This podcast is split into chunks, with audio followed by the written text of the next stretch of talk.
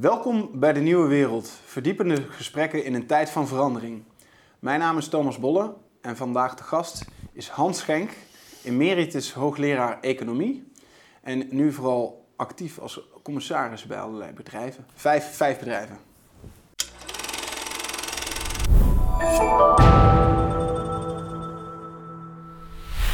Welkom Hans. Goeiedag. Goeiedag. We hebben afgesproken om te Ja. tutoyeren. Ja, dat Ehm, klopt. Je bent eh, emeritus eh, hoogleraar in de economie, gespecialiseerd in mergers and acquisitions. Ja. En nu actief En goed Nederlands, fusies en in overnames. fusies en overnames. En, en, eh, actief eh, als adviseur bij allerlei bedrijven. En eh, vijf, vijf commissariaten, dat is Ja. Het maximum. Volgens de Corporate Governance Code moet je je daaraan houden. Er staat geen wettelijke bestraffing op als je het niet doet, maar het is toch wel netjes om, om het daar te beperken. Ja, en je, je bent ook kroonlid geweest bij de Sociaal-Economische Raad. Een mooie carrière in de, in de economische wetenschappen achter de rug. zegt het, en, ja. en, en, en nog steeds volop actief. We gaan het hebben over die fusies en overnames en Mhm. eh, de financiële kant ook daarvan. En, eh, ik denk een, een ehm, onderwerp waar, we- waar we veel over horen. Hè. Bedrijven eh, voegen samen, we krijgen steeds grotere bedrijven. Maar hoe dat precies in zijn werk gaat, is denk ik voor veel mensen eigenlijk best wel een, een, een wereld waar, waar, waar we weinig van af weten. Wat gebeurt er allemaal achter de schermen? Hoe komt zo'n deal tot stand? En waarom vindt dit ook plaats? Dus we gaan even stilstaan bij wat er plaatsvindt achter de schermen. Hoe die besprekingen gaan. Dus met de details die je wel kan vertellen natuurlijk. Want, ehm, maar ook bij het economische, de economische impact van mergers and acquisitions. eh, fusies, overnames. Ja. Eh, want wa- wa- waarom vinden dit soort overnames plaats? En, en wat zijn de effecten daarvan? Ja, dan zou je eerst eigenlijk moeten zeggen, wat zijn dit soort eh, Ja. overnames? Hè? Want er zijn Ja. heel verschillende soorten. Maar als je naar eh, het, het overnameverschijnsel als geheel kijkt, eh, vallen er twee dingen op. Eén is dat ze niet altijd plaatsvinden. Dat wil zeggen, we hebben iets van 120 jaar data eh, verzameld en er zitten pieken en dalen in. En in zo'n toch vrij ruime periode als 120 jaar Ja. hebben eigenlijk maar zes of zeven, met enige goede wil acht fusie-explosies plaatsgevonden. Explosies, daarmee wil ik zeggen dat het ineens van, van bijna 0 tot 100 gaat. En hoppakee, echt in de curve zie je omhoog schieten. En dat eh, doet de vraag reizen, waarom is dat verschijnsel zo, wat wij dan zeggen, volatiel, hè, zo bewegelijk Ja. in de tijd? Want er zijn dus periodes dat bedrijven elkaar niet overnemen, gewoon naast elkaar staan. Ja, enkel. eh, Natuurlijk, het, altijd is er wel een onderneming te vinden die een andere onderneming overneemt. Maar eh, dat zeg maar dan ineens eh, heel veel bokken op die havenkist springen, dat is, is toch wel een opmerkelijk verschijnsel. En dat zie je niet wanneer je maar een periode van tien jaar bekijkt. Eh, je ziet dat pas wanneer je heel lange periodes onder de loep neemt. Dat is één. Twee, wat opvalt, is al vanaf het prille begin, eigenlijk vanaf die kant, eh, van jouw kant eh, gezien, laat- eh, van die dataverzameling, dat is begin vorige eeuw, zie je dat verreweg de meeste grote fusies, grote, wat- die zijn trouwens allemaal overnames, dat zijn fusies, suggereert een beetje twee bedrijven die samengaan, dat komt bijna niet voor. Een fusie is een overname van de ene onderneming tot de Ja. andere. Dat reeds van, eh, zeg maar, rond de vorige eeuwwisseling, eh, dus niet de afgelopen eeuwwisseling, maar 100 eh, Ja. plus jaar geleden, eh, de waardecreatie van die overnames nihil tot negatief is. Dat wil zeggen dat we er steeds explosies zien die om eh, niet-economische redenen kunnen plaatsvinden. Want dan zou er waarde gecreëerd worden, winst gecreëerd worden. En dat gebeurt niet. En wat is waarde in, in deze definitie? Ja, dat is even een, eh, een, eh, een, lastig, eh, een lastig item. Wij kijken als econoom, als industriële economen, het liefst naar echte waardecreatie. Dat wil zeggen productiviteitswinst. Voor mijn part eh, winst, winst een toename van de winstgevendheid van de onderneming. Maar in toenemende mate is dit onderzoek gericht op aandeelhouderswaarde. Hm. Aandeelhouderswaarde staat dan voor de waarde van de onderneming op de markt. En dat zegt al dat we eh, ons vooral dan beperken tot beursgenoteerde ondernemingen. Want daar kun je een beurswaarde voor Ja. eh, opzoeken in de, in de data-archieven. En als je die data pakt, dan zie je al Ja. geen waarde. Dan Want zie je dat dit- bij de overnemende Ja. partij, hè, de partij die het initiatief neemt om de overname te doen en daar ook geld voor op tafel legt, eh, daar zie je geen waarde. Uitzonderingen daar gelaten, als, ik, als je de statistieken wil horen over die 120 jaar, Ja. eh, is ongeveer 20 tot 25 procent creëert waarde. Eh 15 tot 20 procent is een groot malheur. Hè, dat eindigt gelijk in een faillissement. En dan heb je nog de grote bubs, 50 procent, creëert niks. Maar er wordt wel geïnvesteerd. Tijd, energie enzovoorts wordt geïnvesteerd Ja. in die overname. En ik vind de- deze definitie van waarde is al vrij beperkt. Want je zou ook kunnen eh, zeggen als een bedrijf een ander bedrijf overneemt en daardoor valt een grote concurrent weg, eh, kun je eh, hogere winsten realiseren, Ja. maar misschien betaalt de samenleving wel te veel voor, voor het product. Nou, dat wat, is precies natuurlijk wat er gebeurt. Hè. Je kunt met de winst die je maakt als onderneming een aantal dingen doen. Eén is je werknemers een, fair share geven, een, Mhm. een, een, een reëel aandeel in datgene wat ze gezamenlijk hebben voortgebracht. Je kunt de consument een fair share geven, prijzen verlagen bijvoorbeeld. Nou, dat hebben we al honderd jaar niet gezien. En je kunt, behalve als er technologische ontwikkeling eh, voor zorgt, en je kunt het eh soeperen als winst, als eh, omzetten in vermogen.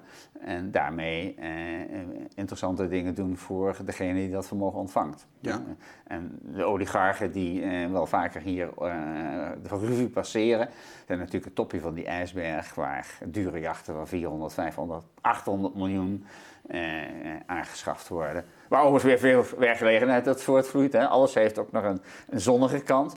Eh, maar daar komt het dan terecht. Ja.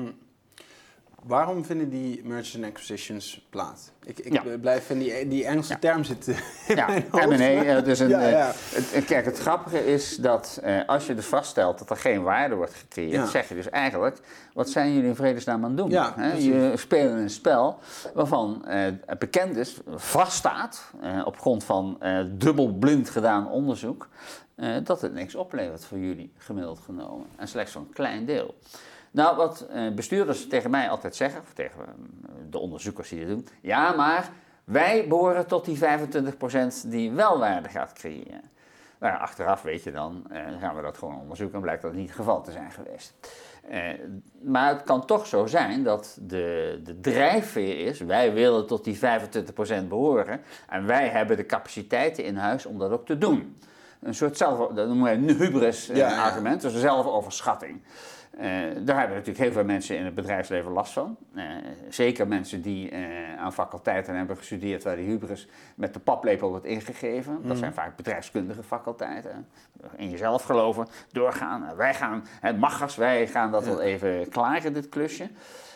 Maar als je serieuzer eh, diep ingaat op die materie en je kunt vertrouwelijk met bestuurders daarover keuvelen, dan blijkt vaak dat ze dit doen, dat ze in een spel participeren dat door vele spelers gespeeld wordt.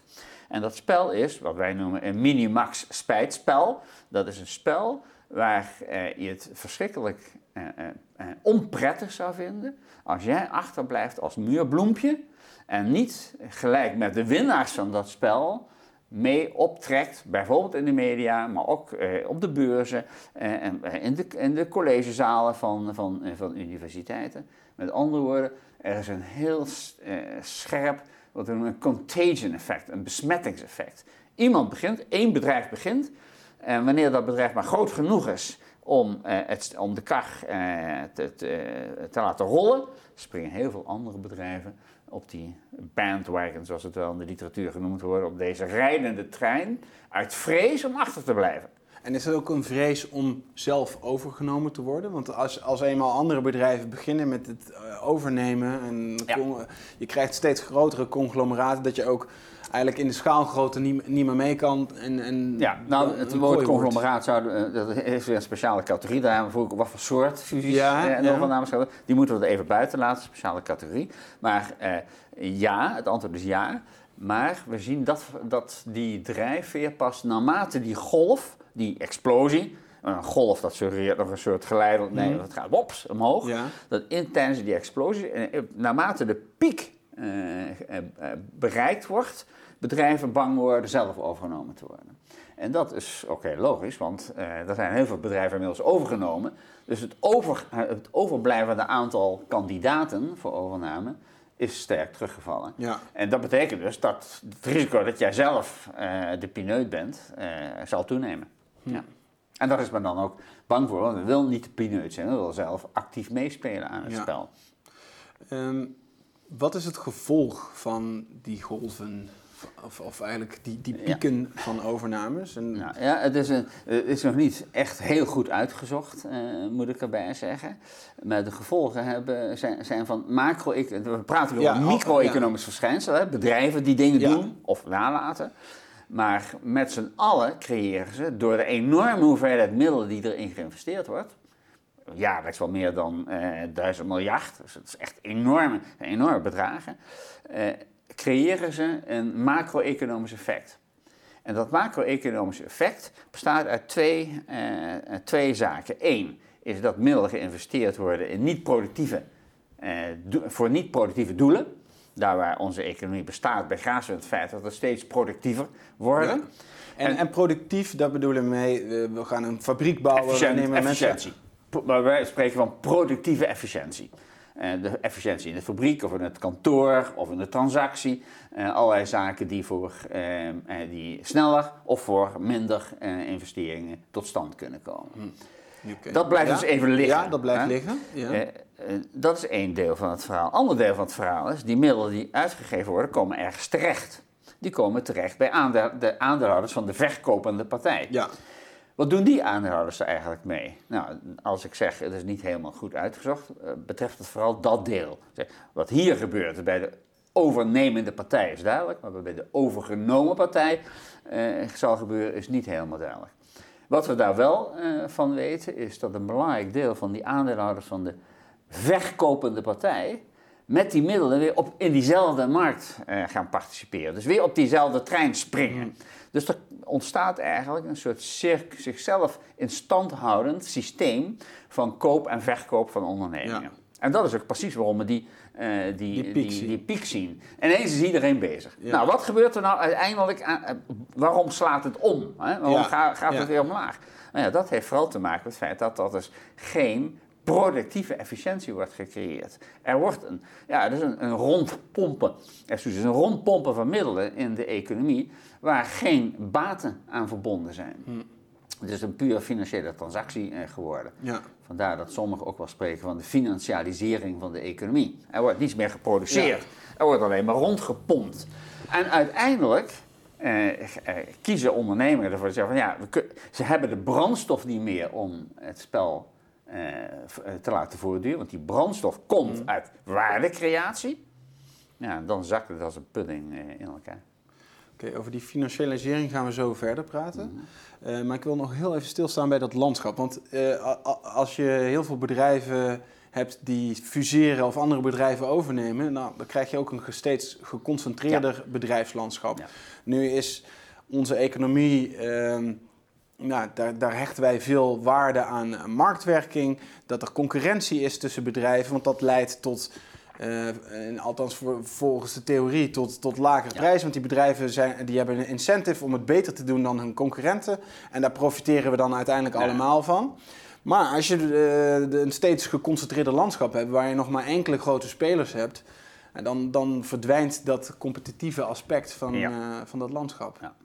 Nou, wat je, wat je schetst is uh, les 1 uit uh, ja. uh, het eerste college economie. Hè?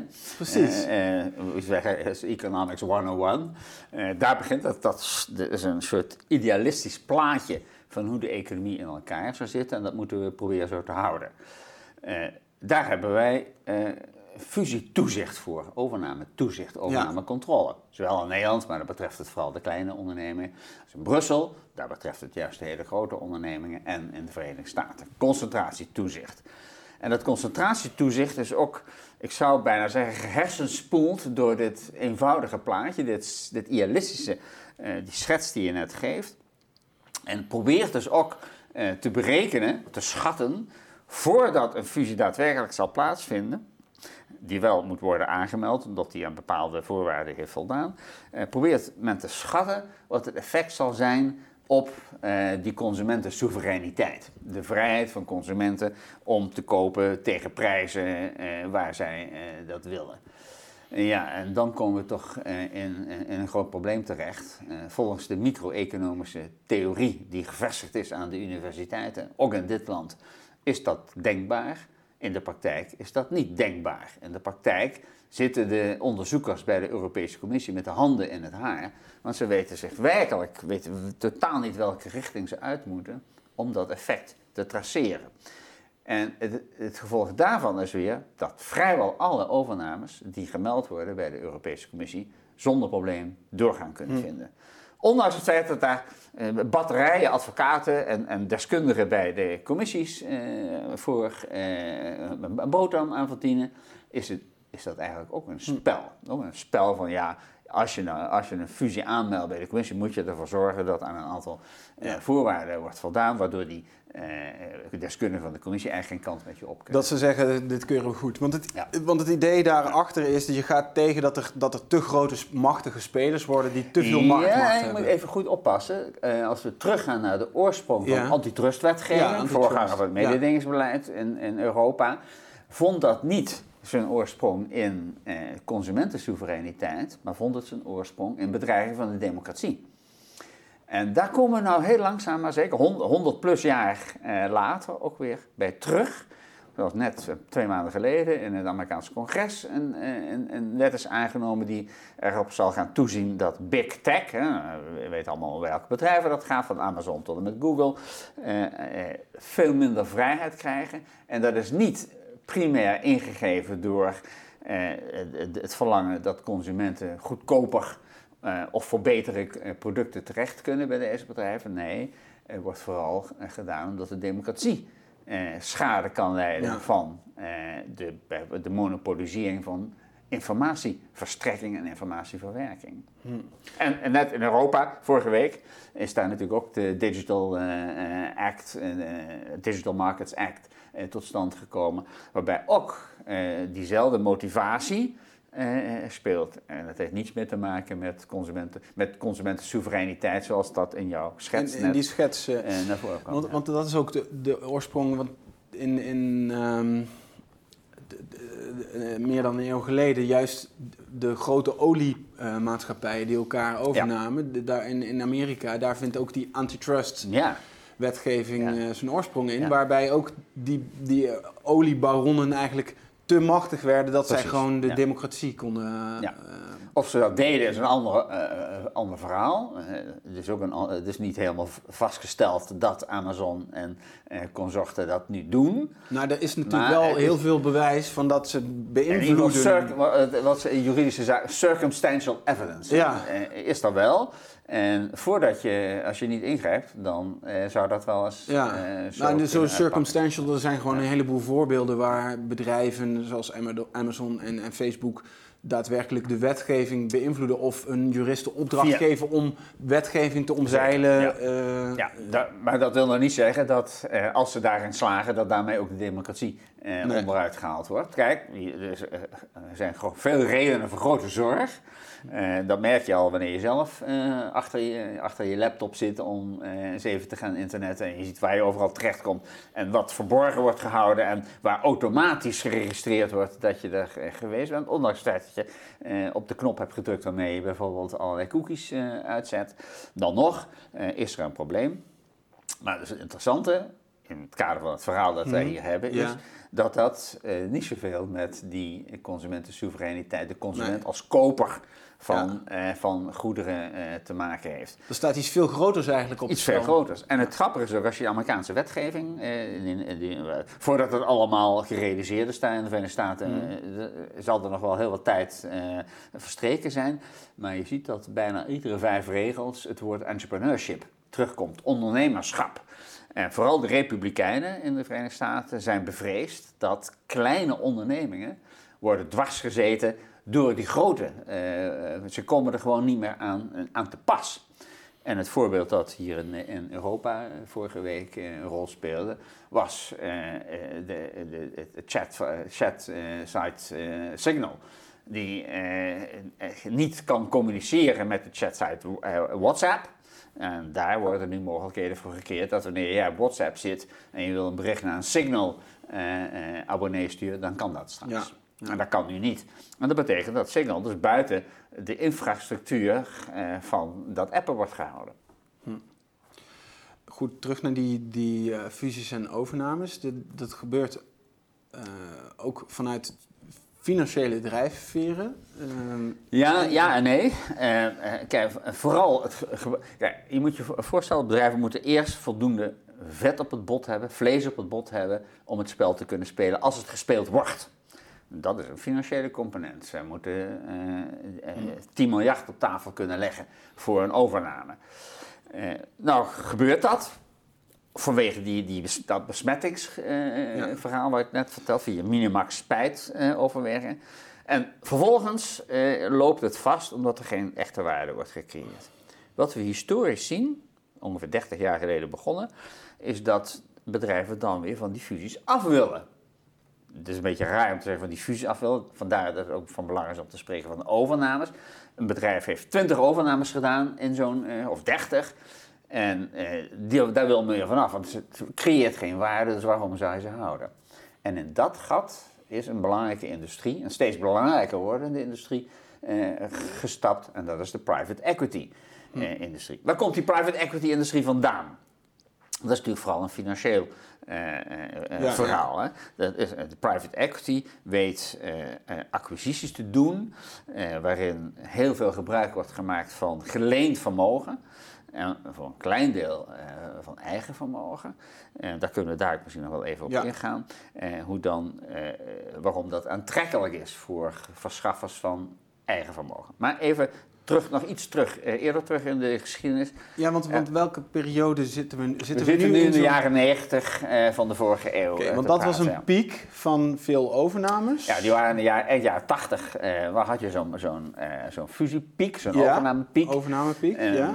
Vijf, zes, zeven jaar later bleek, hm, het heeft allemaal niks opgeleverd, dan wilden we weer vanaf. En dan krijg je, zie je de opkomst van, van private, equity. En, en, private equity is erin gespecialiseerd om bedrijven weer op te knippen in uh, de ooit tot, uh, bij elkaar gehaakte eenheden.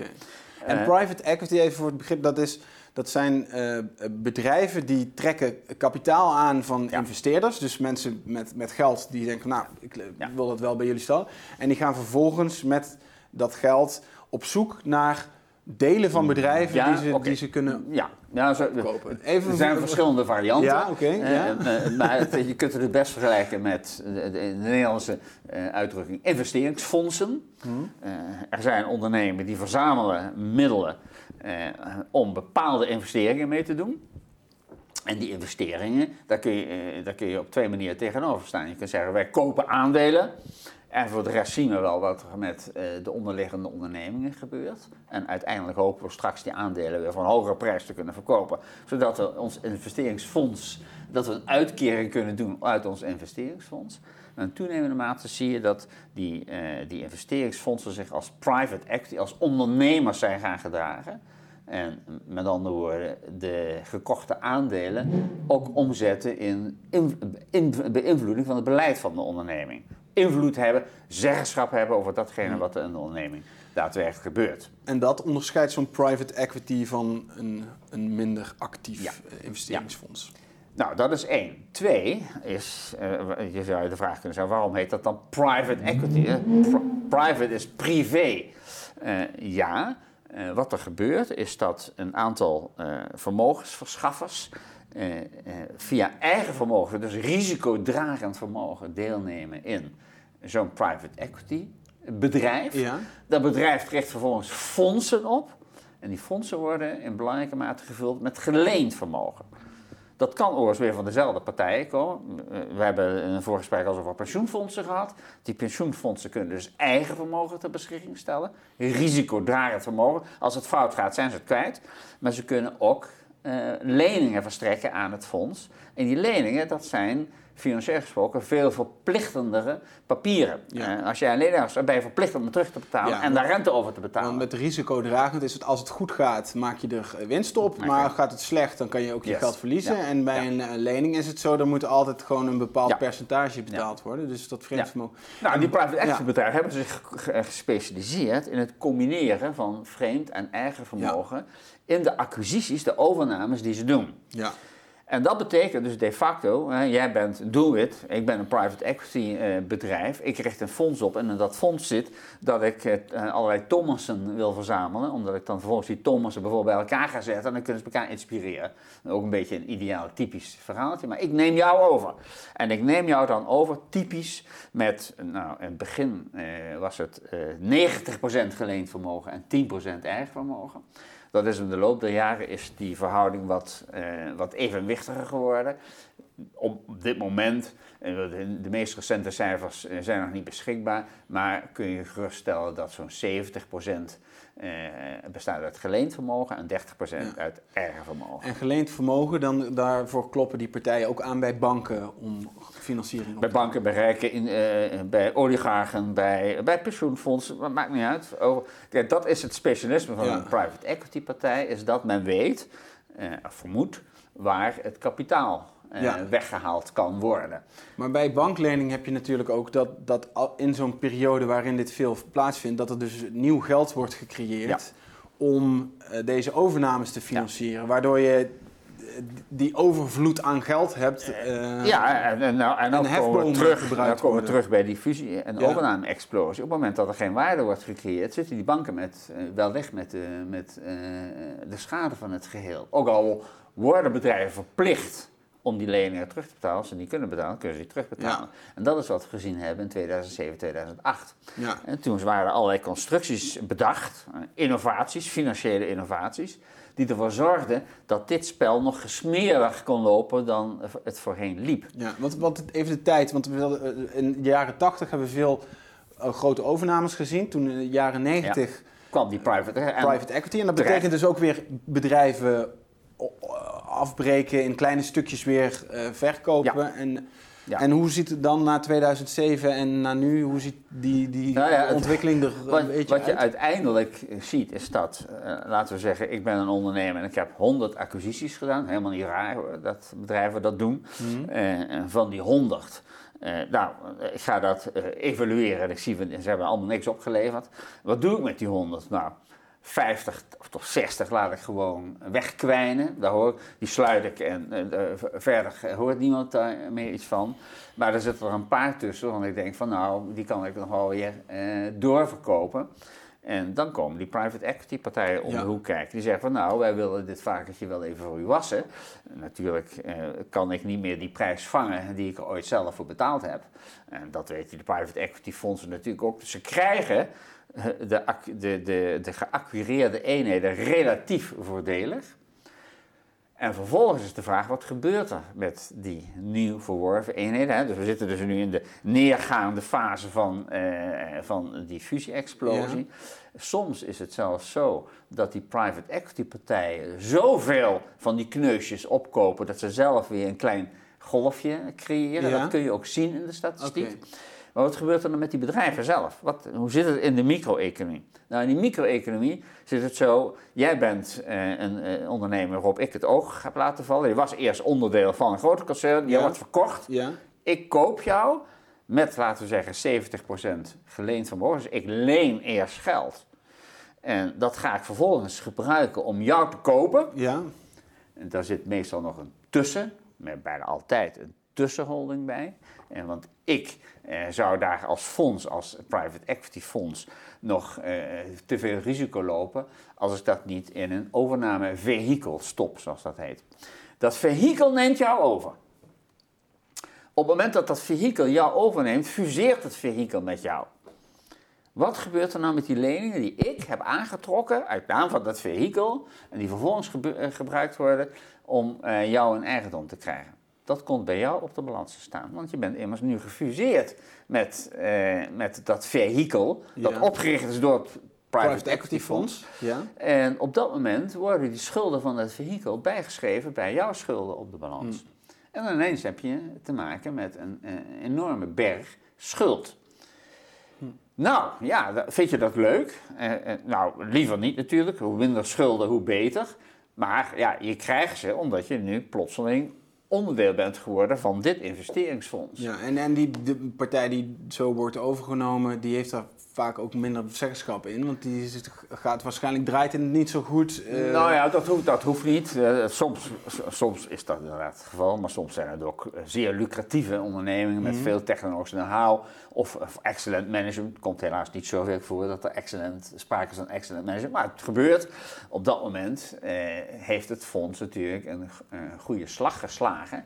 Maar het probleem blijft, die 70% van de koopsom die op jouw balans staan als schuld aan, eh, ja, aan de banken, die, aan die andere vermogensverstrekkers, die via dat fonds in dat vehikel eh, hun, hun, leningen hebben gestopt. Dat betekent, wat betekent dat nou voor jou? Dat betekent, eh, en hier komt natuurlijk om de hoek kijken, dat die leningen veel verplichtender zijn dan eigen vermogen. Jij bent verplicht om die leningen af te lossen. Hmm. En je bent verplicht om rente te betalen over die leningen. De vraag is, kun jij dat ophoesten als eh, onderneming? Kun je met zo'n berg schuld omgaan? Heb je voldoende inkomsten, cashflow heet dat tegenwoordig, om ook eh, te, te, kunnen gebruiken voor eh, rentebetalingen en aflossing? Ja. Wat wordt nou vaak geregeld in zo'n transactie? Eh, er zijn twee mogelijkheden. Eén, de rentebetalingen blijven inderdaad gewoon eh, op jou drukken. Dat betekent dat je ieder jaar ten koste van je winst rente betaalt. Maar het kan ook zo zijn dat uh, de banken zeggen, de banken en anderen die dit, uh, deze lening verstrekt hebben, je hoeft voorlopig geen rente te betalen, schuif het maar bij de schulden, zodat straks, over 5, 6, 7 jaar, wanneer die, die, die looptijd, looptijd van deze lening voorbij is, die lening moet terugbetalen en dan betaal je de rente erbij terug. Nou, dat betekent dus dat je straks veel meer... Nog meer schuld hebt. Af. En eigenlijk nog meer schuld hebt, ja. Dus je ziet die schuld opbouwen en dan... Uh, dit maar je hebt er eigenlijk geen last van, ja. want de, de, last komt pas wanneer uh, de looptijd voorbij is. Ja, en dit past ook bij, bij het bedrijfsmodel van die private equity fondsen, die vaak zo'n bedrijf overnemen en dan een vijf, zes jaar wordt het weer doorverkocht aan een volgende partij. En dan moet er een, de een, een van die transactie is dan hopelijk toereikend om die leningen, inclusief de rente, als die erbij geschreven is, af te lossen. En wat de, de, de, vergelijking wordt wel eens gemaakt, dan wordt het spring, sprinkhanenfondsen uh, genoemd. Nou ja, dat heeft, heeft, natuurlijk alles te maken met dat, met dat uh, kopen en verkopen van, van deze ondernemingen. En, maar het heeft de, de uitdrukking sprinkhanen heeft er ook mee te maken dat die discipline die op jouw schouders komt te rusten vanwege deze hoge financiële lasten, mhm. die verplichtend zijn, jou zodanig uh, uitkleedt dat je uh, geen, hoe zal ik dat zeggen, geen stootkussentjes meer hebt om mogelijke tegenvallers op te, op te mhm. vangen. Dat is één. Twee, maar dat vind ik nog, dat was in het begin van die begintijd van die private equity opkomst, was dat een serieus probleem. Momenteel is dat doordat die verhoudingen ook wat uh, evenwichtiger zijn. Ja, niet meer 90%, maar 70%, maar 70 eh, schulden. Is dat wat minder uh, pregnant? Komt nog, wel, mm. komt nog wel voor hoor. Maar inmiddels is ook de know-how natuurlijk bij de verkopende partij gegroeid. Worden er allerlei deskundigen ingeschakeld die dit probleem hebben onderkend en daar dus ook op letten. Dus tegenwoordig is dat veel minder een probleem. Maar wat je wel ziet is dat die die financiële strengheid die gepaard gaat met die verplichtingen in de vreemd vermogenssfeer, dat die bijvoorbeeld gebruikt wordt om te bezuinigen op speur- en ontwikkelingswerk. Je had een research lab en eh, nu denk je, oh, dat research lab dat is niet meteen uit te rekenen in bijdrage op de gedurende de looptijd van die lening, van jaar, 5, 6, 7 jaar, dat duurt 15 jaar. Ja, dus dat is onzeker. Daar moet ik dan maar even aan gaan, eh, op gaan bezuinigen.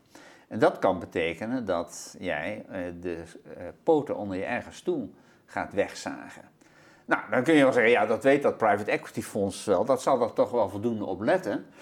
Nou ja, dat, soms wel. Soms zijn die private equity fondsen zodanig deskundig dat ze in de gaten hebben waar de daadwerkelijke waardecreatie in jouw onderneming plaatsvindt. Maar soms letten ze ook alleen maar op de financiële einduitkomst, hè, het beroemde spreadsheet management. Ik krijg alleen maar die spreadsheets voorgeschoteld. Ik ben dat private equity fonds en ik krijg van jou die spreadsheets. En denk, oh, dat gaat fout hier of het gaat goed daar. Maar waar nou de bedrijfseconomische waardecreatie of het gebrek daaraan eh, plaatsvindt, dat weet jij, maar dat weet ik niet. Nou, en dat spel is een verdraaid moeilijk spel om te spelen. De goede private equity fondsen die weten precies hoe ze dit spel uh, tot een goed eind kunnen brengen. Maar er zijn er ook die daar geen verstand van hebben. Ja, dan wordt het een dan. Hm. En wat, wat, wat levert het uiteindelijk voor de bedrijven op die worden overgenomen? Want uh, zie, je, zie je als je naar een grote hoeveelheid kijkt, inderdaad ook een verschaling op het gebied van research and development, lange ja, termijn. Nou ja, kijk, wat, nee, dit is een onderzoek, dat moet ik voor de eerlijkheid bij zeggen. Dat is A, in de Verenigde Staten gedaan. En B, hebben we dat uh, ergens in 2015 afgesloten. Dus het slaat alweer op tien jaar daarvoor. Dus misschien is het inmiddels verouderd, maar het is niet gerepliceerd door andere onderzoeken, uh, overgedaan door andere onderzoeken sinds, sindsdien. wat wij gedaan hebben, we hebben een grote steekproef getrokken van bedrijven die via wat dan heet een strategische overname in andere handen eh, kwamen. Dat wil zeggen, eh, een overname door partijen die in min of meer gelijke markten, misschien wel concurrerende markten, eh, actief zijn. En een steekproef van partijen, die, eh, van ondernemingen die door, via private equity transacties in andere handen zijn gekomen. En die hebben we gedurende 15 jaar vergeleken. We hebben dus gewoon gezegd van nou, hier beginnen we en we vergelijken die twee groepen eh, over een periode van 15 jaar. Wat gebeurt er eigenlijk? En dan zagen we dat de private equity gerelateerde overnames vier keer zo vaak in faillissement verkeerden eh, vergeleken met de niet eh, via private equity eh, eh, ondernemingen hmm. in, die, in die steekproef. Dan denk je, wow, dat is een fors verschil, vier keer zo vaak faillissement. Dat is fors, statistisch gesproken is dat heel fors, maar het aantal faillissementen is nog niet zo groot. Hmm. We praten eigenlijk over een, een, een 3 à 4 procent van de niet-private equity gerelateerde transacties en 15 procent van de wel private equity gerelateerde. Dus dat is vier, ongeveer vier keer zo groot, maar dus nog maar 15% van die hele groep. Vervolgens zijn we nagegaan, hoe kan dat nou? Eh, sommigen zeggen van ja, dat komt doordat deze bedrijven in het begin van de rit al een hoger failleringsrisico hadden. En dat is er uiteindelijk in die 15 jaar is dat eruit gekomen. Nou ja, dat is heel moeilijk te onderzoeken. Eh, er bestaan wel wat zo heet faillissementsvoorspellingsmodellen ik uh, waag daar een groot een, hoog goedkeuringslabel aan te geven. Maar we hebben ze toch gebruikt. We van, nou, die zijn gangbaar in de financiële industrie. Dus laten we eens kijken wat die modellen opleveren.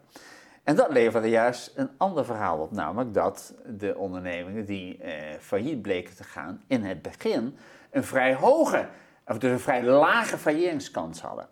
Volgens die modellen.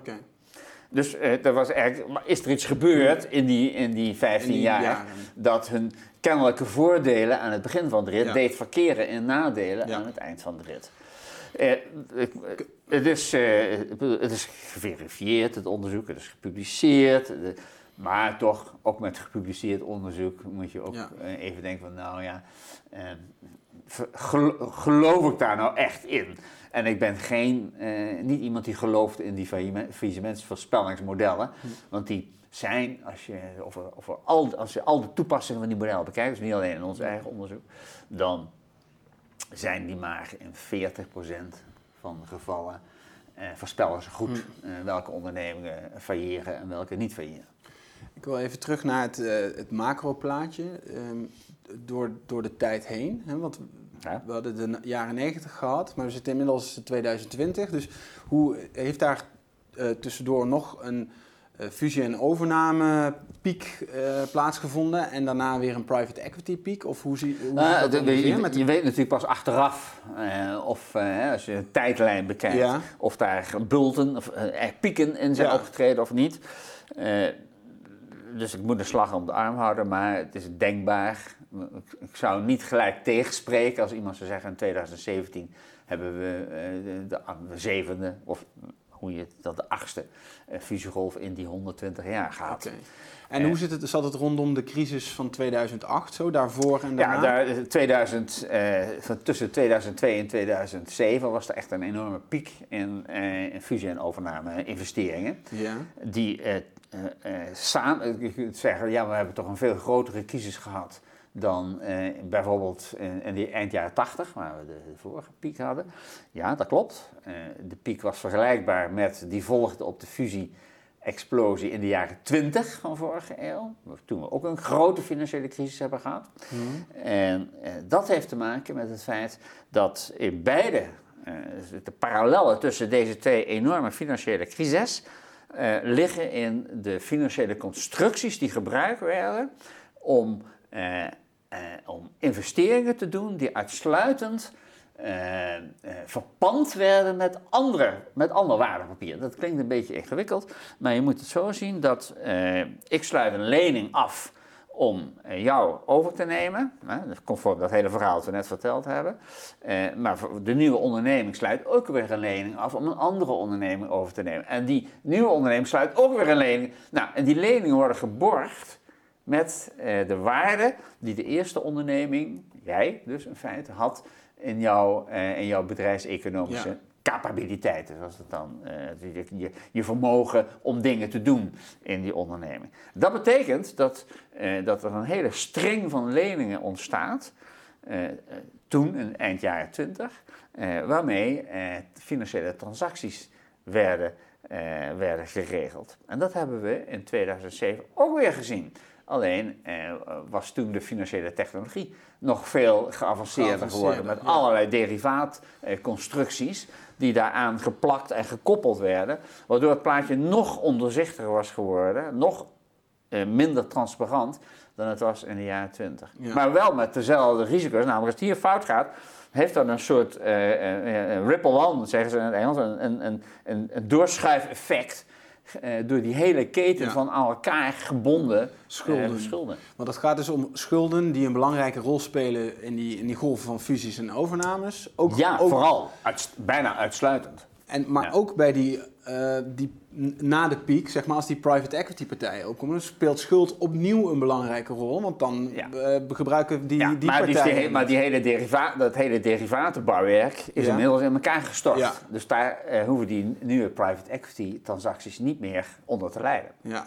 En dat is, kijk, de vraag, ja, maar waar is dat dan gebleven? Dat hebben wij als belastingbetaler opgelost. wij hebben die banken gered.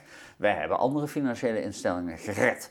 En dat is waar, zou je kunnen zeggen, die private equity partijen na die fusiepiek van 2000, die voorafging aan de crisis van 2007, ja. 2008, nu eigenlijk van profiteren. Want, want daarna, want hoe, hoe Begin is weer opnieuw, hè? dan ja. krijg je weer nieuwe leningen. Ja. Uh, maar uh, nu uh, veel meer institutioneel opgehangen. Dat wil zeggen dat die fondsen een batterij deskundigen aantrekken die ervoor zorgt dat zo'n financieringsstructuur door jou via dat vehikel ook gedragen kan worden. Ja. En dat zijn geen constructies meer die alleen maar in de beleggingswereld uh, rondzweven. En hoe uh, speelt hierin de huidige lage rentes? Hè? Dus we hebben een periode gehad na de crisis waarin de rente verlaagd is. Het was goedkoop om geld te lenen. Ja. Uh, hoe, welke rol heeft dat gespeeld in het eigenlijk ook weer aanjagen van fusies en overnames en private equity? Want er is veel goedkoop geld ja. om deze ja. overnames te doen. Ja, nou, eh, vroeger, hè, vroeger voordat het fenomeen private equity de kop opstak, eh, werd, eh, werd voor overnames ook natuurlijk veel geld geleend. Alleen niet zo heel veel geld. En toen hebben wij gekeken of die golven misschien wel verklaard werden door de mutaties, de veranderingen in de rentevoet is het zo dat wanneer uh, geld goedkoper wordt, er dan meer overgenomen wordt. Dat was niet het geval. Dus die overname pieken, totdat private equity uh, de kop opstak, hadden niet te maken met dit macro-economisch verschijnsel. De economen spreken vaak over fundamentele variabelen. Renteontwikkeling is zo'n fundamentele variabele. Die weten niet precies waarom die omhoog of omlaag gaat, maar je kunt hem wel koppelen aan andere verschijnselen. Bijvoorbeeld fusie- en overnameverschijnsel.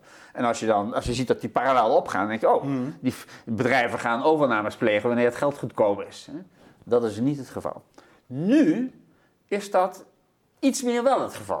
Op het moment dat private equity partijen eh, gaan, eh, gaan opereren op die markt, om die kneusjes uit die vorige uh, fusie- en overnamegolf op te kopen en hopelijk te herstellen, zie je dat ze natuurlijk, omdat ze van veel meer geleend vermogen gebruik maken dan die strategische overnames uit die vorige hmm. periode, dat, ze, dat daar natuurlijk wel die rentevoet een faciliterende rol in speelt. ik zou terugschrikken om te, om, om te, te stellen dat het, gedre- dat verschijnsel gedreven wordt door die financiële, uh, door die, de rente, die lage rente. Uh, maar voor het private equity deel daarvan speelt het wel degelijk een rol. Uh, vooral natuurlijk omdat uh, die rente laag is gebleven dankzij de geldcreatie van de Europese Centrale Bank. Met, met duizenden miljarden. En dat, dat geld vooral terecht is gekomen in die financiële markten. En die financiële markten dus iets willen. Die gaan iets doen met dat geld. Nou, die gaan niet alleen vastgoed kopen, waardoor de huizenprijzen, die gaan ook ondernemingen kopen respectievelijk die, die eh, private equity fondsen in staat stellen om eh, dat spel te spelen dat ze spelen. Ja, en die, uh, dat, nu noem je de huizen inderdaad, want de, private equity uh, investeert ook uh, soms in vastgoed. Hè. Er zijn, er zijn ook voorbeelden te noemen dat, dat er, ik geloof, um, Black, Blackstone private equity, niet te verwarren met BlackRock. Black uh, die, die hier nou, ook in Nederland. Ze doen het allebei hoor. Het zijn, ze zijn, hebben ook dezelfde roots. Het is een afsplitsing, maar Blackstone is echt een private equity partij die ook bijvoorbeeld hier in Nederland uh, huizen opkoopt en gaat verhuren. Dus ja. Um, wel, welke rol spelen dit soort partijen die dan op zoek gaan naar mooie investeringskansen voor op, op korte termijn een hoog rendement uh, te halen, ook in, in toch het veranderen van zo'n economie en de economische invloed, dat... Mm -hmm. uh, ja, nou ja, wat, die rol is duidelijk. Hè. Uh, vooral Amsterdam heeft daar, heeft daar last van. grote partijen die meteen 150 eenheden opkopen. Dan ben ik toevallig zelf ook nog een tijdje commissaris geweest bij een, een, een coöperatie, een grote coöperatie. En ja, dan zie je toch dat er financiële transacties voor jouw neus gebeuren, dankzij het feit dat daar veel geld in die, markt, in, die markt in de economie gepompt is en die benut wordt door, door dit soort investeringsfondsen. ja, de, en als jouw vraag wat voor rol spelen, ja, dat is de rol die ze spelen. Ze kopen op en zijn natuurlijk veel minder geïnteresseerd in de relatie met de huurder. Daar, maar daar wordt weer een, een, makelaar voor uh, in dienst genomen die dat deel van de, van, van de taak gaat waarnemen. En vervolgens worden die huizen weer in de volgende transactie weer aan iemand anders of een andere investeerder overgedaan. ik denk dat dat. Kijk, je moet je afvragen: is dat goed voor de huizenmarkt of slecht voor de huizenmarkt? Nou, soms komt daar, wanneer het nieuwbouw is bijvoorbeeld, of grootschalige renovatie, ja, heb je die, die kapitale kracht van die investeringsfondsen nodig, maar soms ook niet. Uh, wat, het, wat de uitkomst van het totale plaatje is, dan moet je eigenlijk aan volkshuisvestingsdeskundigen vragen, dat ben ik niet. Maar een gewaarschuwd mens stelt voor twee. En ik zie in de, in de transacties die we in de afgelopen half uur uh, speelden, dat je verdraaid goed moet opletten als partij die het doelwit is geworden van zo'n private equity investering, eh, dat je niet een vinger geeft en je hand kwijt bent. Nou, dat geldt natuurlijk ook in die volkshuisvestingmarkt. Want die partijen zijn niet altijd geïnteresseerd in het bevorderen van de kwaliteit van, uh, van huizenbouw of de kwaliteit van de renovatie. Ja, ja daar heb je, eh, bij gemeenten heb je daar gemeentebesturen voor die ja. daarop moeten toezien. Eh, bij financiële transacties heb je daar eh, allerlei financiële autoriteiten, en heel bijvoorbeeld de AFM voor die daar moet toezien. Soms denk ik wel, ze zouden daar meer kwaliteit kunnen gebruiken, eh, ook grotere staf. Eh, de vraag die eh, bij zo'n AFM is, ja, waar moeten we in vredesnaam die mensen vandaan halen?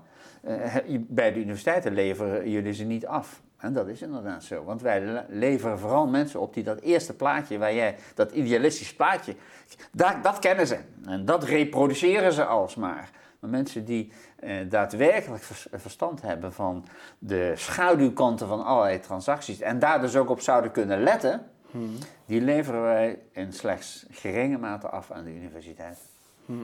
Zijn we dan wel in staat om daar goed op, op, op toe te zien? En ook, ook gegeven dat, uh, dat toezicht vooral dan op, op de regeltjes is gericht, maar dat het maatschappelijk belang ervan is, als er bijvoorbeeld een private equity aankomt, partij aankomt die zegt we gaan dit bedrijf overnemen, we stoppen het uh, voor 70% vol met schulden, um, dat dat ook uiteindelijk dat dat bedrijf ook echt beter van wordt. Of dat het uh, wordt voor, voor, de aandeelhouders voor die vijf, zes jaar mooi rendement oplevert. Maar dat het. De aandeelhouders van dat private equity fonds dan. Hè? De, ja. Uh, maar dat het niet het, het bedrijf er niet beter wordt, de werknemers er niet beter worden. En uiteindelijk ook de, de maatschappij waarin dat bedrijf functioneert, daar ja, uh, nadeel dat, van heeft. Dat risico is, is zeker aanwezig.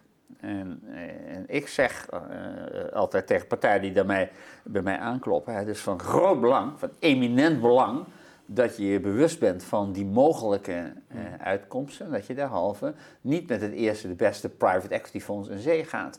Dat je dat doet nadat je je daar heel goed over hebt laten adviseren. De vraag die ik dan terugkrijg is. Ja, maar door wie moet ik me dan laten adviseren? Ja, dan hebben we natuurlijk wel een punt. Want veel van de financiële adviseurs behoren tot hetzelfde contingent als de adviseurs die uh, dit soort zaken bepleiten en, en die transacties realiseren. Hmm. Waar blijft de onafhankelijke deskundigheid? Ja, nou ja, dan kom je bij een paar professoren, vrees ik, in Nederland uit, die dat, die dat spel doorzien en kunnen doorzien. Ja, voor de rest is de grote meute van de economen die wij afleveren aan economische faculteiten en een groot deel van de economische staf die zich hier helemaal niet mee bezighoudt, ja. ja. is niet beschikbaar om die deskundigheid te leveren die je eigenlijk nodig hebt om, dit soort trans om de risico's van dit soort transacties eh, te ondervangen. Ja. Als we nog verder uitzoomen vanuit het macro-perspectief, de, de Europese Centrale Bank uh, houdt de rente laag, uh, heeft met zijn kwantitatieve verruiming ervoor gezorgd dat er veel geld, goedkoop geld in die financiële markten is. Uh, tegelijkertijd hebben wij bijvoorbeeld pensioenfondsen die uh, vanwege die lage rente steeds meer op zoek gaan naar uh, hoger rendement terechtkomen bij bijvoorbeeld private equity partijen die nog wel die rendementen halen. Wat zie je daar op, op macrogebied uh, als resultaat van? Ja, dat is een beetje een, een, een poel of een zee die nog niet uh, erg vaak bevaren is door, uh, door wetenschappelijk onderzoek. Nee, omdat, omdat het ook vrij nieuw is allemaal is, natuurlijk. Ja, inmiddels 30 jaar, hè, maar dat is uh, gelet op de eeuwigheid en op de eerste studies van Adam Smith en, en Karl Marx is dat heel lang geleden.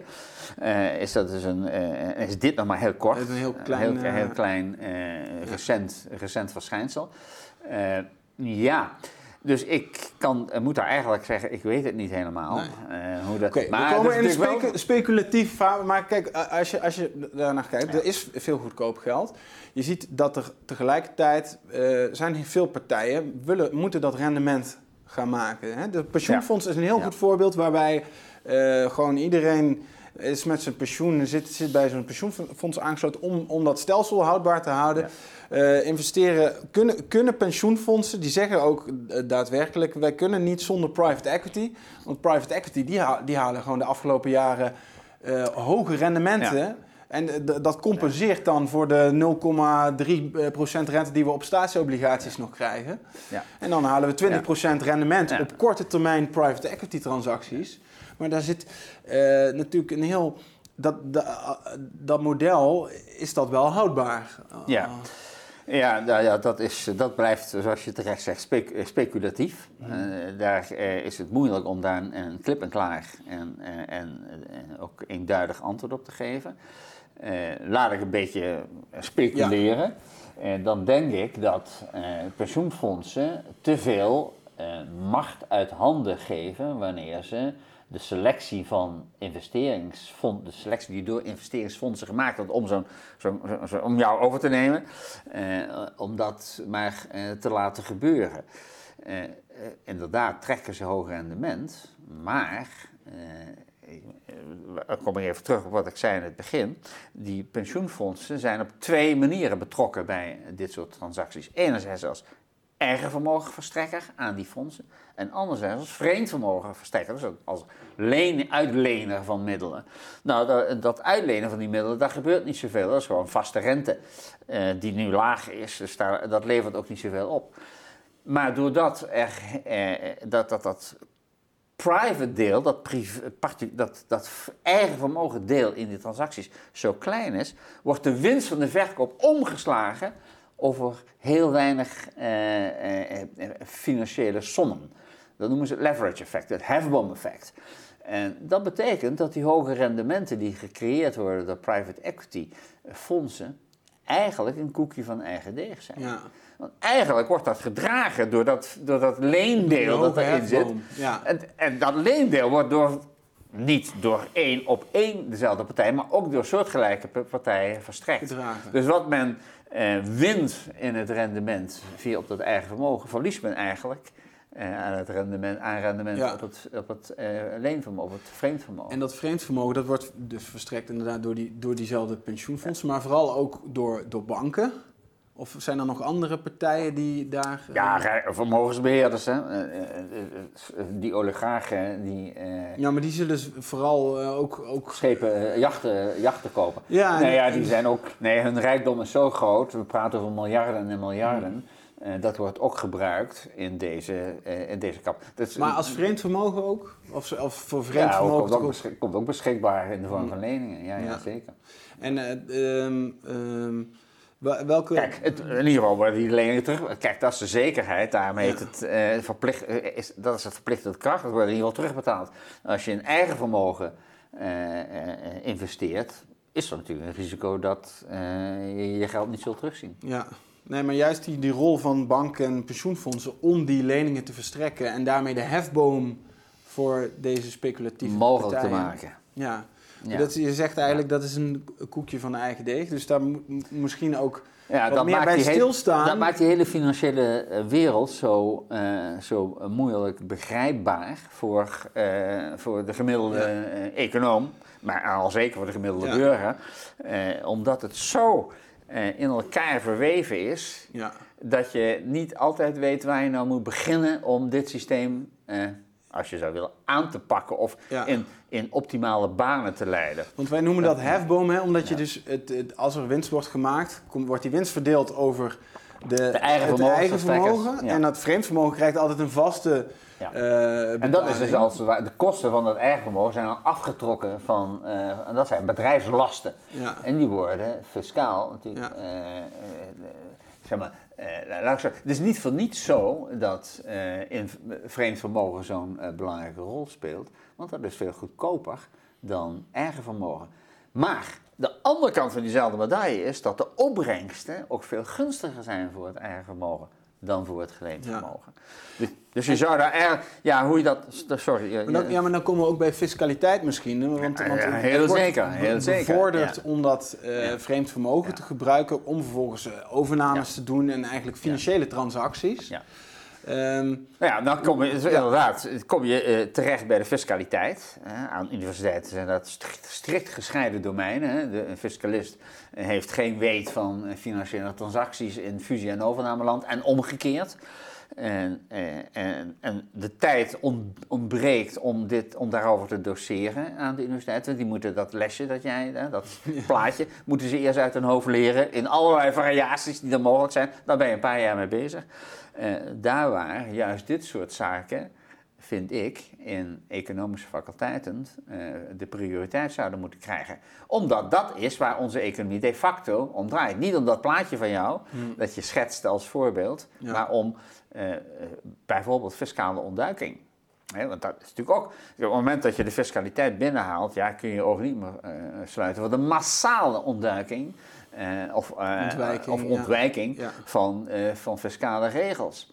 En als, ik, ik heb al eens gezegd in, in, in, mijn perscontacten, alhoewel ik geen fiscaal econoom ben, voel ik aan mijn water aan dat daar als je, als je denkt van we moeten het in goede banen leiden, dat je daar moet beginnen. Want dat heeft dus ook zo'n uitwerking vervolgens in die financiële wereld van transacties. Wat er nou, dan wordt het misschien ook minder aantrekkelijk om een bedrijf helemaal vol te laden met schulden op die ja, manier. nog afgezien dus niet zo, eh, moet, we moeten niet zeggen van eh, als, je maar, als je een bedrijf vollaat met schulden gaat verkeerd, want Nee. zo hoeft het niet Nee, te zijn. nee. Hè? Er zijn. Het zijn delicate evenwichten, maar die evenwichten zijn in kaart te brengen. Je moet alleen heel erg goed oppassen. En dus niet met het eerste het beste investeringsfonds in zee gaan. Of met deskundigen die door dat investeringsfonds eh, naar, naar Ja. voren geschoven worden. Maar vervolgens is inderdaad de vraag: hoe kunnen wij, eh, voor, eh, nou, hoe kunnen wij bevo- in ieder geval bevorderen dat er niet ontweken en eh, ontdoken wordt? Ja. Zodat die transparantie er is en wij kunnen traceren, bijvoorbeeld. hoe ondernemingen die uiteindelijk, hè, jou, dat vehikel Ja. eh, fuseert met jou en is onderdeel van een investeringsfonds geworden nu. Waar zit dat investeringsfonds eigenlijk? Ja. En hoe, waar worden En de belastingen betaald eh, over jouw activiteiten? Hm, Ja. Nou, dat is nogal eens onduidelijk. Daar zitten vaak diverse holdings tussen, een hele kerstboom aan tussenondernemingen, tussenholdings, superholdings, eh, eh, subholdings en wat iets meer zijn. Ja. Gevestigd deels in Luxemburg, deels op de Cayman-eilanden, deels in Nederland, hè, wat natuurlijk ook een eh, belastingparadijs is. Ja, en dat proces is zo, denk ik, sturend voor de reële economie. Ja. Dat eh, we eigenlijk iedereen eh, die eh, economie studeert, zouden moeten lastigvallen met fiscale economie. is met dit Ja. deel. Oké, tot slot. Want uiteindelijk, je zegt het al, het gaat om die reële economie. Hè? En met, met die, Waar dingen gemaakt en geproduceerd en echt daadwerkelijke Precies. diensten verleend worden. en nu zie je dat die, die overnames leveren dus heel vaak niet... Op, eh, nee? niet, niet, Zie je niet- geen waarde? Niet, geen waarde, niet aandeelhouderswaarde, al en laat staan maatschappelijke waarde. Ja? Ehm, en we zitten nu in, in, in een situatie waarin nog steeds veel geld in die financiële eh, markt is, op zoek naar hoog rendement. En we realiseren eigenlijk eh, een, een lage groei in de productieve economie. Nou ja, het geluk is, geluk, Ja. een ongeluk, is dat wij een, eh, een- een enorm, eh, eh, een enorme voorraad technologische ontwikkeling hebben. Onze, onze welvaart wordt niet door dit soort financiële transacties gegenereerd. Die wordt gegenereerd door de technologische ontwikkeling die vooral in publieke laboratoria plaatsvindt. Hè, Ook Apple heeft zijn rijkdom voor, eh, voor een zeer groot deel gebaseerd op onderzoek dat in de publieke sfeer is gedaan. Vervolgens bij Apple is terechtgekomen. En, en juist die technologie, eh, eh, laat ik het even versimpeld door te zeggen, universiteiten en, en onderzoekslaboratoria, publieke onderzoekslaboratoria, die genereren onze welvaart. En Maar die, die worden bij, door, door, door deze drang eh, juist Ja, ja, en dat zou. En, en Ja. eh, ook binnen die bedrijven, je noemde het net hè, met Ja. die overnames, dat dan de lange termijn hè, komt op, op de achtergrond. Op- ja, Hoe- ja. hoe kunnen we ja, nou- en dat betekent bijvoorbeeld, als ik even van de reden mag vallen, Ja. dat wij zo weinig oog hebben, relatief weinig oog, althans veel minder oog dan noodzakelijk is voor klimaatproblemen. Hm. Daar waar zeg maar, aan, aan universiteiten inmiddels zoveel know-how is eh, gegenereerd dat we dat klimaatprobleem zouden kunnen aanpakken, landt het niet in de politiek en in het bedrijfsleven om het daadwerkelijk ook te doen. Hm. Ja, en dat is eh, omdat, dat, omdat ook die politiek heel sterk ten gunste is uitgepakt van, eh, van dat kapitaaldeel. Ja. En dat kapitaaldeel natuurlijk zijn eigen bezonjes heeft om... Ja, dat wil te rendement. Dat wil rendement, ja. Nou goed, hoe, hoe, hoe gaan we nou die, die, die prikkel voor dat rendement... Want dat Eh, hoge rendement... Nee, ik- maar even, ja, want ik, wil- ik vraag, wil het ja. gesprek ook afronden. Eh, die, die drang naar rendement, hè, dat, dat ook de drijfveer is voor, voor die, eh, die overnames bij die private equity partijen. En het pensioenfonds dat erachter zit, wat aan de ene kant leningen verstrekt, dat faciliteert. En aan de andere kant in die private equity partijen me- ook op zoek is naar dat hoge rendement. In dit landschap waarin de overheid en de centrale bank eh, juist die, die rente laag houden. En eh, Ja. we, we dus, want dat rendement moet uiteindelijk ergens vandaan komen uit de reële economie. Dat moet gemaakt worden. Ja. Hoe kunnen we nou terug naar dat, dat, dat het we- weer meer in balans komt? Want de- als die beloning voor de kapitaalhouder Ja, zo hoog is, dat kan niet opgehoest worden door een economie die, die eh, niet, niet groeit of een klein Nou beetje ja, maar groeit. die economie doet dat natuurlijk door periodiek een crisis, crisis te hebben. Hè, dan lossen we het op. Eh, maar dat is natuurlijk niet wat we willen. Nou, eh, eh, ik ben natuurlijk maar bezig met een heel klein deel van die economie. En in dat deel, bij wel fusies en overnames, heb ik gezegd... je moet, je moet een barrière opbouwen tegen die euforie die ontstaat tijdens zo'n explosie. Met andere woorden, je moet proberen die explosie te dempen. Hoe doe je dat nou? Nou, dat doe je bijvoorbeeld door bedenktijd eh, eh, te verordeneren. Als ik jou wil overnemen, moet ik eerst een jaar, ik maak het plan bekend bij jou eh, of bij mijn investeerders. En dan eh, moet ik bijvoorbeeld een jaar wachten voordat ik het mag realiseren. Nou, dat is voor een deel in Nederland inmiddels tot stand gekomen. Hè? Alleen, eh, het is niet verplicht. Het zijn 250 dagen geworden, niet een jaar. En als ik jou eh, wil overnemen en jij wil het niet, hè, jij verzet je tegen deze overname, dan kun je een beroep doen op die wachttijd. En mijn eh, ingeving is natuurlijk dat je dat voor alle overnames eh, eh, moet verplichten. En we zeggen niet alle klei- niet kleine overnames hoor. Het gaat erom, als ik dat woord mag gebruiken, overnames die een systemisch effect hebben. Jij noemde dat daar straks macro-economisch effect Ja. en ik heb dat woord ook gebruikt. Dus voor de, laten we zeggen, boven de 500 miljoen of boven de miljard. eh, eh, daar is over te praten, over die grens. Eh, het apparaat moet het ook aankunnen. Dus je begint met de allergrootste t- transacties aan zo'n bedenktijd te koppelen. En dan kun je langzaam maar zeker afzakken. En dat betekent dat je die euforie uit de markt neemt. Dat betekent dat je partijen verplicht om goed na te denken voordat ze een stap zetten. Als ze goed gaan nadenken, weten ze eh, wat, de, wat de uitkomst zal zijn van hun transactie. Beter dan wanneer ze in de spur of the moment, omdat, omdat hij daar een acquisitie doet, doe, ik ook mee, want eh, Joost mag weten of ik anders een muurbloempje word. Nou, dat effect haal je weg. En dat betekent dat een belangrijke aanwending van de financiële ruimte die door onder meer de Europese Centrale Bank is gecreëerd, wegvalt. Goed Hans, dankjewel voor het gesprek. Graag gedaan.